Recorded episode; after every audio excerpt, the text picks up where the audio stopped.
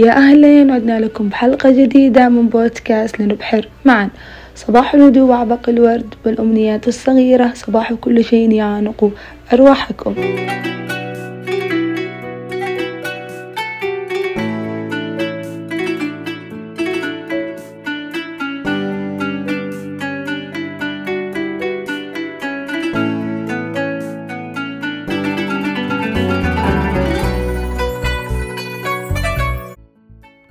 معكم أنا رحيل الحارثي وعهود السيرم نتكلم اليوم عن الإدمان واقتبسنا من أحمد الشقيري وتجاربه مع الناس. وحبينا قبل ما نبدأ معاكم نسأل بعض عن مفهوم الإدمان.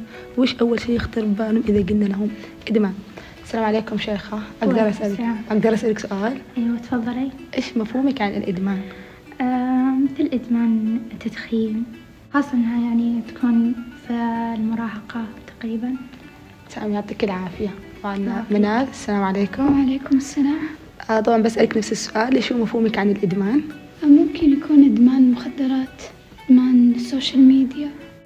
أو الحين برضو بنسأل رغد أهلين رغد؟ أهلا رحيل إيش مفهومك عن الإدمان؟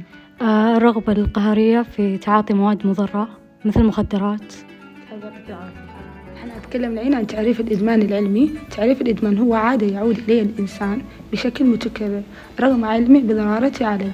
أنت عارف إنه يضرك وقاعد تسويه مرة واثنين وثلاثة ومو عارف كيف تتركه أو تنهيه وتبي تتركه هذا هو الإدمان.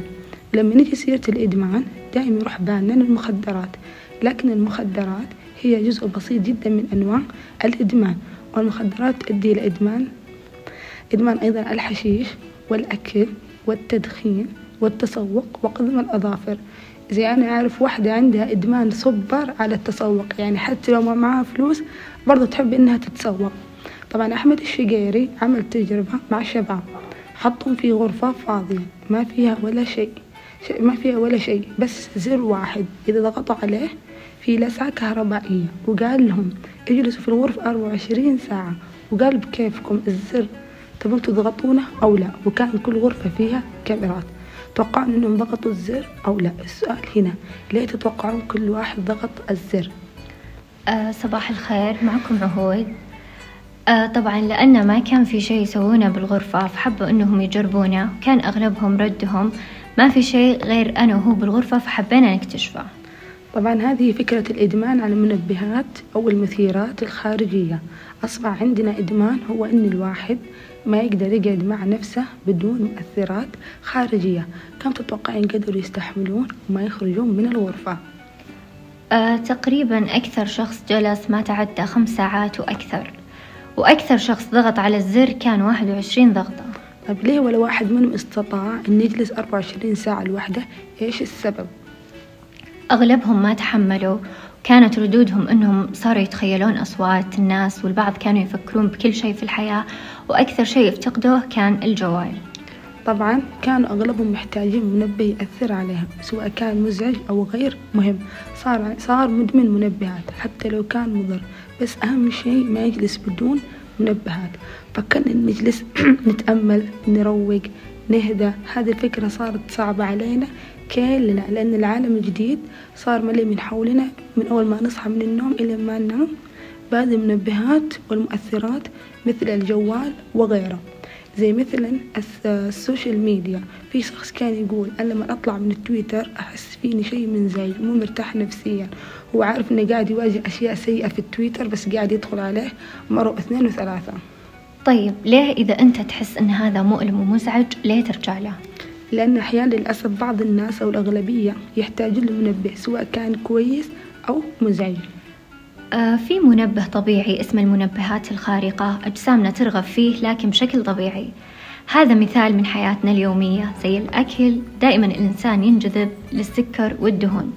بسبب الدهون الكثيرة والسكر الكثير هذا اللي يسبب إدمان كثير على الحلويات لأنها تعطي جسمنا حاجة لكن بشكل سوبر قوي. يعني الحين لو نقدم تفاحة أو كوكيز أكيد نختار الكوكيز. طبعا وفي تجربة ممكن تعمل حركة تخلينا نستطعم الأكل الصحي. عمل أحمد الشقير تجربة لمدة 12 يوم.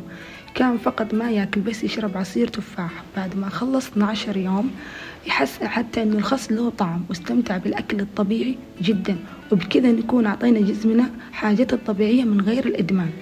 وبرضو السوبر القوي موجود في إدمان ال social, ال social media لأن هذا السوبر اللي هو المنبه الطبيعي لكن إحنا نستخدمه بشكل سوبر أقوى وإحنا صرنا نستخدمه بحاجة إنه يخدمنا لكن صار عكس صار إدمان. فعلا صار صعب جدا إن في أحد يقعد مع نفسه من غير ما يمسك الجوال. صار شيء بديهي إن كل ثواني نمسك الجوال. وصار التواصل وجها لوجه أصعب وممل إنه خلاص متى يخلص كلامك؟ أبغى أقعد على الجوال. وصار التواصل الطبيعي اللي تكون في الصالة مع أهلك أو أصحابك ما صارت تلبي احتياجاتك لأن تعودنا على إدمان أكبر. بس خلينا نجرب نبعد عن ال social media عن حياتنا. بنلاقي أوقات مرة كثيرة وأشياء معطلة من زمان. بنلاقي نفسنا أهدى وبنلاقي أنفسنا في العلاقة مع شخص أو شخصين صارت أقوى وأهدى لأن بنكون تركيز السوبر التواصل تبع ال social media فبنرجع لحياتنا الطبيعية. صح فبنلاحظ أن نستمتع مع أصحابنا أكثر بدون جوال لأن هذا الاحتياج الطبيعي للإنسان. وبرضه في إدمان من نوع ثاني اللي هو إدمان المؤذي للنفس.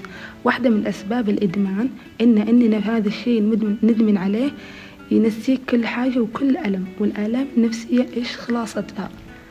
آه إنها تكون إما حزن من ماضي أو قلق على مستقبل أو ملل في الحاضر والإدمان ينسيك كل هذه الثلاثة. ونفس لما لما نكون مركز بال social media أو أي حاجة تضرك بال social media والحين كيف بيخف قلق المستقبل؟ آه لما نتوكل وتخطط وإحنا لازم عشان نخفف ألم الماضي وخوف من المستقبل نعمل بالأسباب ونترك الباقي على مسبب الأسباب عشان ما نكذب ونقول إنه خلاص القلق راح منتهي أو شيء زي كذا لكن بيقل بنسبة كبيرة. عشان كذا يقول الحكماء يخططون المخططون لا يقلقون التخطيط المستقبل ويقلق القلق جدا. عشان كذا في ناس بدل ما يخففون من هذا القلق ويقولون قدر الله وما شاء فعل لازم نتعايش ونقوى. ففي ناس ما تسوي ولا حاجة من الأشياء هذه فتهرب للإدمان. السوشيال ميديا بطريقة خاطئة ومضرة لشخص. وبكذا يكون ما سوينا ولا شيء وبيرجع كل شيء من جديد. لازم نعالج كل شيء ولا بيرجع كل القلق وكل الآلام النفسية. أو الشخص حيوصل لمرحلة وينفجر. إدمان الناس على هذه الأشياء ما يعتبر ناس سيئين هو ضعف أكثر من إنه سوء. صح وبعض الحلول من ضمنها أنك تقضي أوقات بطبيعة أيا كان نوعها ولها آثار كثير تهدي النفس وتصفي الذهن ومساعدة على علاج الإدمان. وبكذا تخلي جسمك يرجع لوضعه الطبيعي سواء بالأكل أو ال social media أو حاجة مسببة لك الإدمان. وإحنا نقدر نجرب ما في حاجة بالحياة اسمها مستحيل وراح يحسسنا بسلام داخلي وراحة. وعشان نبدأ بتغيير لازم أول شيء نعترف بالمشكلة ثاني شيء خطوات صغيرة ثالث شيء عدم فقدان للأمل. وفعلا لازم نواجه هذه الآلام والإدمان ولازم ما نيأس أبدا عشان نقدر نكمل بعلاج الإدمان. وإذا عملت بالأسباب وسويت كل الأمور ودعيت وتوكلت على الله ربي مستحيل يتركك. بيجي يوم وربي يفرجها عليك ولازم نعرف إنه التعب مستحيل يروح. ولما الفرج ما يجي على طول بيد الإنسان يحبط. عادي جدا نرجع نقوم مرة اثنين ثلاثة إن شاء الله مليون مرة. أهم شيء نوصل للي نبغاه. طبعا ما هو عيب أبدا إذا وقت اليأس ندور ناس نطلب منهم مساعدة.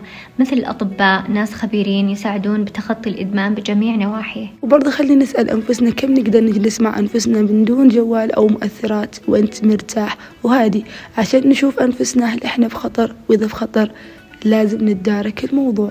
وبكذا نختم برسالة بسيطة إن الواحد لازم يحاول عشان يتحرر من أسر هذا الإدمان.